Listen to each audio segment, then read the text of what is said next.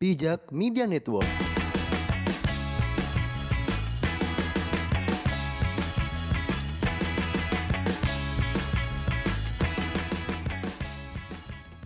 Assalamualaikum warahmatullahi wabarakatuh. Waalaikumsalam warahmatullahi wabarakatuh. Selamat pagi, siang, sore, malam. Sekarang malam, Mbak. Kan yang dengerin bebas. Oh, gitu ya.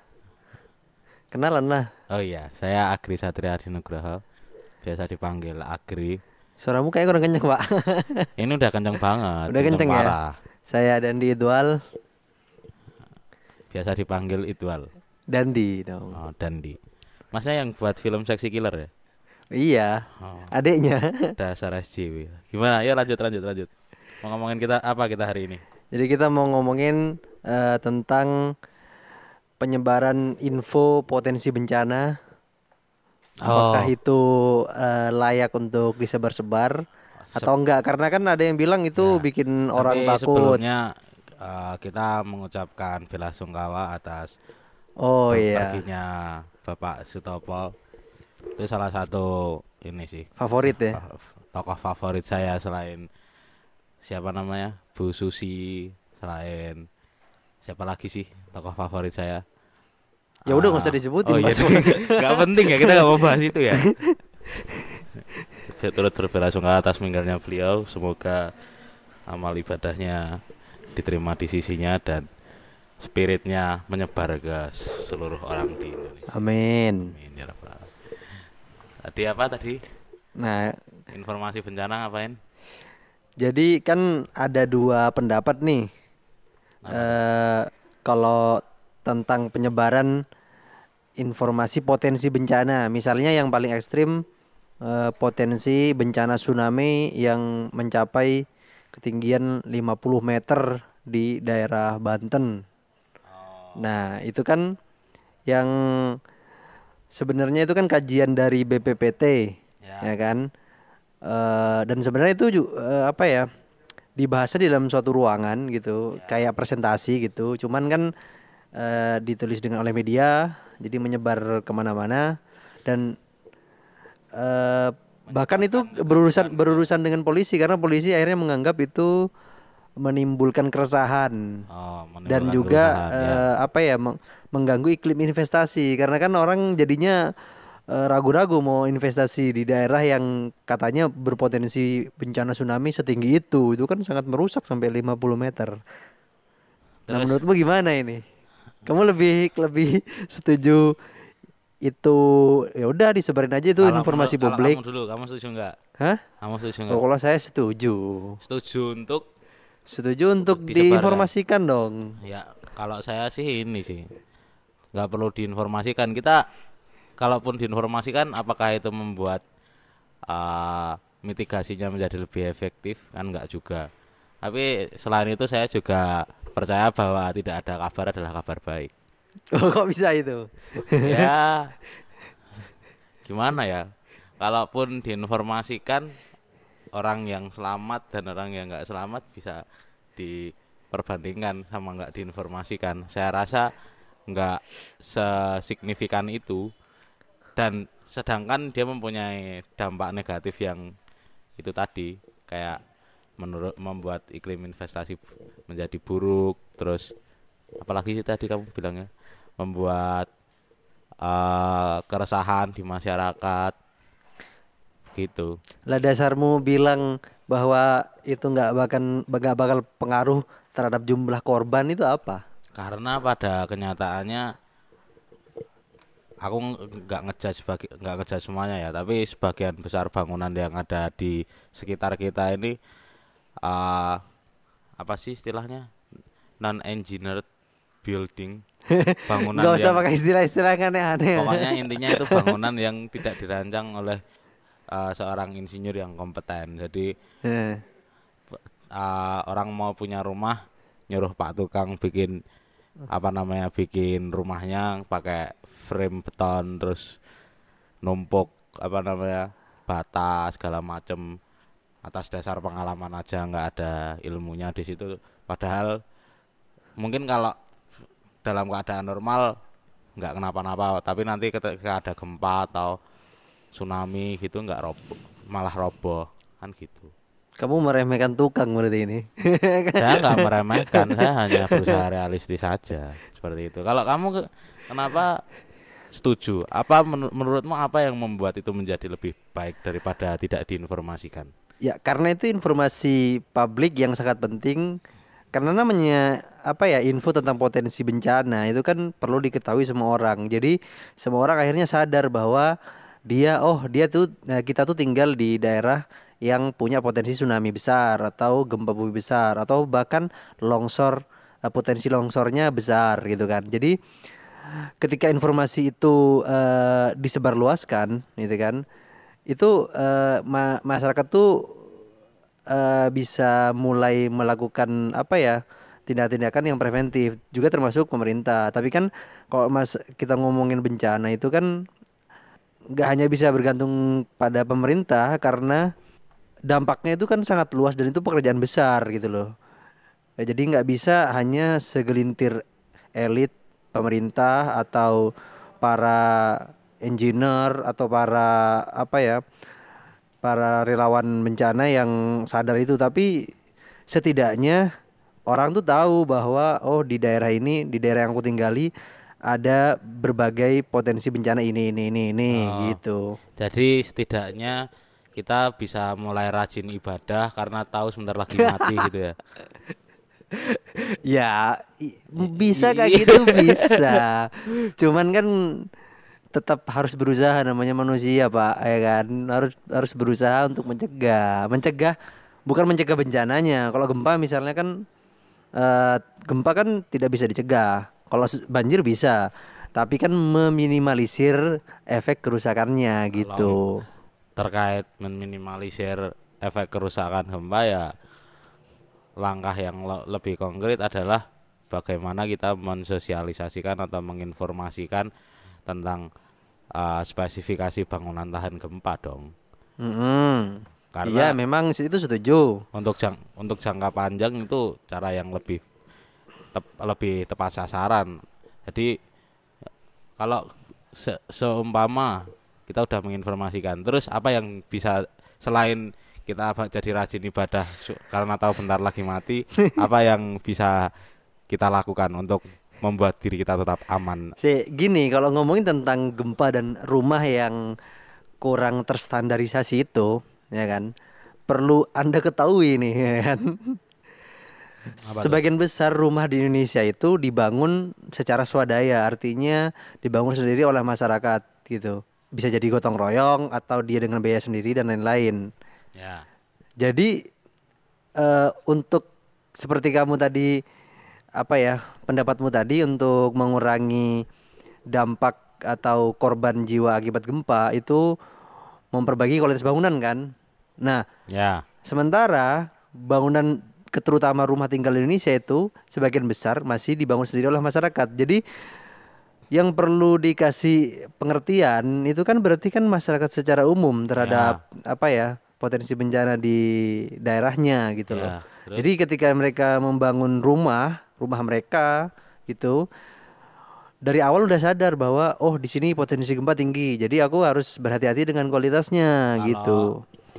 Poten ya ini kan di setiap daerah itu mempunyai setahu mempunyai peraturan daerah khusus tentang ini ya tentang IMB Hmm. Nah, spesifikasi IMB ya dicantumkan aja di situ kita nggak perlu kalau itu udah sesuai semua kita nggak perlu ngasih tahu dong kalau mau ada Iya, ya itu secara teori, Pak. Ya kan? Secara teori kan kamu mikirnya oke, IMB-nya dikasih persyaratan sesuai dengan eh, potensi bencana gempa misalnya ya di daerah itu. Jadi ketika ada orang yang mengurus IMB eh dilihat dulu apakah desainnya sudah sesuai dengan spesif- spesifikasi rumah yang seharusnya di daerah itu kan. ya Ya memang secara teori itu se- apa ya terkesan bisa jalan, tapi kan pada prakteknya susah pak, ya kan? Ya.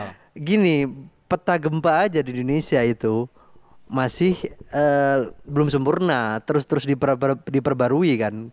Karena namanya gempa pak, itu Gini, belum oke, pemetaannya nggak Oke. selesai. sementara gitu dulu itu kan secara teori pelaksanaannya nggak mungkin maksimal kalau Eh. emang secara praktek kalau kita menginformasikan mau ada gempa jadi mitigasi bencana bisa seefektif itu sehingga Wah jelas dong, namanya meminimalisasi menurutmu bagaimana ba- caranya orang di satu wilayah seumpama Banten gitu mau tsunami.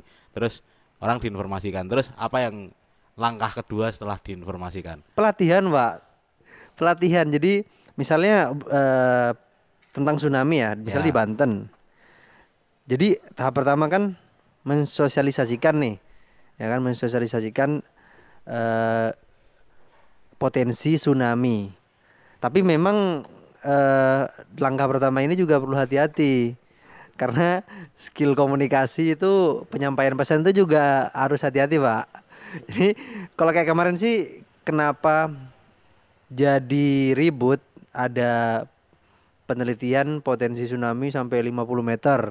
Itu karena penyampaian pesannya kan kurang Lah, kan kurang kalau kurang kena gitu loh. informasi sudah disebar itu kan jadi milik milik pendengarnya. Jadi dia mau menyampaikan kan itu gara-gara penyampaian ulang di media kan. Kalau Ah. Mau disampaikan dengan benar kalau medianya menyampaikan ulangnya dengan cara yang salah ya sama aja jadi pada akhirnya tetap bakal menimbulkan potensi kerusu keresahan masyarakat Makanya itulah pentingnya komunikasi publik. Misalnya tadi kita kan mendoakan Pak Pak Bapak Sutopo kan. ya iya Kita coba lihat dari tweet-tweetnya, dari komunikasi publiknya itu kan sangat bagus kan. Jadi dia bisa menyampaikan sesuatu dengan clear, jadi nggak abu-abu kalau ada bencana. Sampai ada kan istilahnya kita sekarang banyak yang banyak yang nge-share tuh. Ketika bencana ad- datang, s- keep kalem dan menunggu Pak Sutopo. Karena apa? Karena ketika dia muncul, orang udah tenang. Oh, eh, tidak potensi tsunami, misalnya ada gempa. Terus, oh misalnya eh, banjirnya tidak terlalu parah atau oh korbannya terus segini. Jadi kan dia komunikasi publiknya menurutku bagus Pak Sutopo itu. Eh, misalnya dia menyampaikan suatu bencana, dia bisa menyampaikannya itu eh, orang bi- paham tapi tanpa menimbulkan ke apa ya kekhawatiran yang berlebih Berarti gitu. kalau kita ngomongin komu- komunikasi publik yang baik, kalau itu bisa diterapkan di um, apa namanya tentang bangunan tahan gempa tadi juga bakal baik juga dong. Ya, iya memang. Ya sudah kalau bangunannya sudah tahan gempa ya Heeh. itu bakal meminimalisasi jumlah korban kan nantinya. Jadi ya tidak perlu membuat kegaduhan lagi. Nah kalau masalah rumah kan aku udah bilang era- tadi. Era post truth seperti sekarang. Loh, makanya yang masalah rumah tadi aku udah bilang kan. Jadi ru- sebagian besar rumah itu masih dibangun oleh masyarakat sendiri. Makanya cara yang paling efektif adalah menyampaikan kepada masyarakat bahwa daerahnya dia itu potensi gempanya besar. Ketika dia mereka sadar, mereka akan membangun sendiri rumahnya dengan kualitas yang eh, sesuai dengan spesifikasi tahan gempa gitu. Karena pemerintah itu hanya sedikit loh membangun rumah-rumah penduduk gitu. Iya. Ya biar pem- penduduk membangun sendiri tapi bangunan yang dibangun penduduk itu tahan gempa. Tahu Gimana? Gimana? Bukan kita aku nggak mengharapkan pemerintah membangunkan rumah untuk masyarakat, Ah, ah. tapi di era ketika sekarang informasi itu jadi sesuatu yang bisa berbahaya. Jadi nggak perlu inform informasi itu menyebar ke semua orang hanya ke tempat-tempat strategis saja yang memerlukan informasi itu. Misal misalnya potensi gempa gitu, yang perlu tahu siapa aja? kalau potensi gempa gitu mungkin kalau gempa kurang anu ya Iya misalnya apa deh? kalau misalnya banjir Oh banjir, oke. ban- banjir kira-kira debit apa namanya curah hujan tinggi gitu ya BBWS Balai Besar Wilayah Sungai atau PU bagian pengairan kayak gitu-gitu aja yang perlu tahu masyarakat harus ancang-ancang menaikkan ini menaikkan barang-barang ke lantai dua gitu Nah it- itu kan berhubungan dengan ini apa evakuasi. Jadi kan itu perlu dilatih juga pak. Evakuasi gempa atau tsunami atau eh, apa namanya evakuasi banjir itu kan juga bentuk dari mitigasi pelatihan itu. Gimana kita mau mengajak ini masyarakat untuk berlatih eh, menghindari bencana agar kerusakannya dan korbannya sedikit kalau mereka tidak diberi pemahaman bahwa di daerah itu ada potensi bencana itu. Ki- kita ngomongnya kan bukan potensi bencana tetapi akan terjadi bencana. Sih Potensi? Pak, kan awal potensi. Buka- bukannya yang di berita kemarin yang rusuh itu bukannya potensi tapi ini ya apa namanya prediksi ben- akan terjadinya Iya, tsunami gitu ya. pro- prediksi potensi. Jadi, nah ini berarti kamu juga korban kesalahan. Nah itu makanya kamu bisa lihat langsung kan aku yang update informasi aja bisa Nah, justru itu makanya aku tadi bilang orang-orang yang hanya membaca judul. Makanya, nah berarti kamu orang membaca Aku judul. baca isi loh, tapi isinya gitu setauku. Nah, makanya aku tadi bilang komunikasi publik itu penting, Oke. terutama instansi. Jadi bisa jadi kan kamu baca di media kan, Ya, iya. bisa jadi waktu itu penyampaiannya kepada media yang kurang tepat. Jadi media melahap itu begitu saja kan, ya kan. Jadi nadanya, nada tulisannya akhirnya membuat resah. Bi- tapi bisa jadi juga si eh, BPPT atau peneliti ini menyampaikannya dengan nada yang biasa-biasa aja gitu. Jadi udah dia udah bilang bisa menekankan oh ini tuh potensi aja gitu loh. Ini baru terjadi misalnya jika ada gempa sebesar ini baru ada tsunami setinggi 50 meter. Cuman namanya media kan hari ini pengennya yang clickbait gitu kan. Maksudnya pengen diklik orang kan dari Ya. judul, dari isi. Mungkin dengan eh, apa ya tata kalimat yang sedemikian Oh, rupa akhirnya Mendapatkan ini. Iya akhirnya kan eh, agak bergeser maknanya mungkin datanya sama tapi maknanya agak bergeser. Misalnya kayak kamu bilang ini akan terjadi kan padahal ini baru potensi gitu. Ya, ya, ya. Mungkin win-win solutionnya Gimana?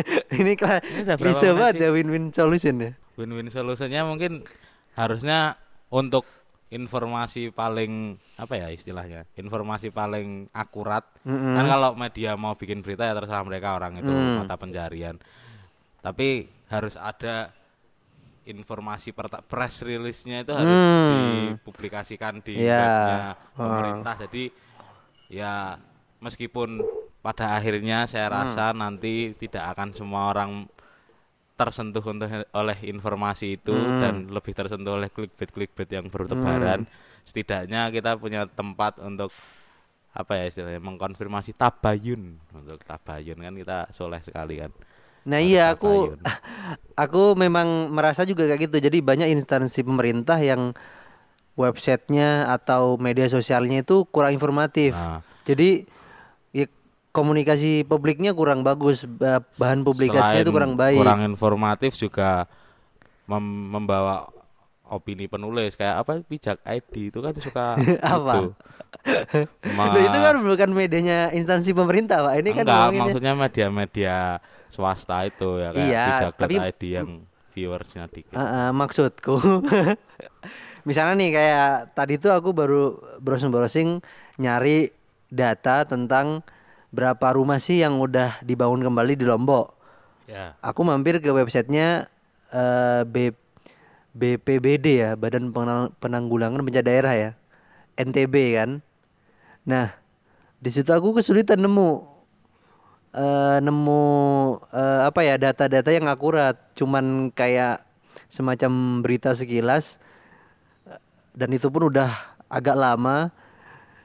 Intinya eh, di situ ditulis rumah yang sudah bangun eh, sekian persen. Ah, bukan sekian persen sih. Rumah yang sudah bangun segini segini segini. Berapa ribu berapa berapa ribu yang dulunya rusak berat, berapa yang sedang, berapa yang rusak ringan. Tapi nggak ada informasi sebenarnya berapa sih yang rumah yang dulu rusak. Jadi kan kita nggak tahu progresnya dong. Kalau cuma disebutin kayak kita sampai Juni ini kita sudah bangun 4000 misalnya. Ya. Ya kalau dulu yang rusak 5000 berarti kan udah 90-an persen kan. Ya. Tapi kalau yang rusak se- 100 100 ribu, ribu berarti baru 4 nah menurutku itu juga sih. Jadi masalah-masalah bencana, info-info bencana menurutku penting untuk disosialisasikan. Cuman instansi pemerintah ini perlu memperbaiki. memiliki portal sendiri gitu ya. Iya, medianya tuh harus bagus lah gitu loh. Misalnya standarnya kayak Twitternya kayak Twitter BMKG aja lah gitu. kayaknya ini sih kalau nggak ada itu kan pimpinannya pasti ganti-ganti ya Hmm. mereka nggak punya political will kalau kata bahasa kerennya itu kamu soalnya dia bahasanya adreset itu. soalnya dia ini apa namanya nggak dapat duit dari situ dia mau bikin jelek mau bikin bagus anggaran tetap cair jadi ya oh, jadi eh, sebuah instansi itu menurutmu ku- belum dinilai dari media Nah, itu publikasinya ya. kemarin waktu ada berita PNS bisa dipecat karena kalau kinerjanya jelek saya se- eh, cukup senang karena pertama saudara dekat saya nggak ada yang PNS jadi nggak berpengaruh. Kedua saya nggak mau jadi PNS tapi nanti kalau saya jadi PNS ya mungkin ikut sedih. Kan biasanya gitu orang-orang nggak setuju gara-gara mereka terdampak apalagi nih malah ngomongin PNS kan jadi ya itu tadi intinya pemerintah harus tabayun eh kita harus memberi media untuk tabayun Tabayun ya. tabayun tabayun adalah kunci udah habis Udah deh, nggak usah lama-lama. ya udah ditutup kan kamu tadi yang buka. oh saya lagi yang nutup Iya. udah sekian dari kami wassalamualaikum warahmatullahi wabarakatuh Waalaikumsalam warahmatullahi wabarakatuh.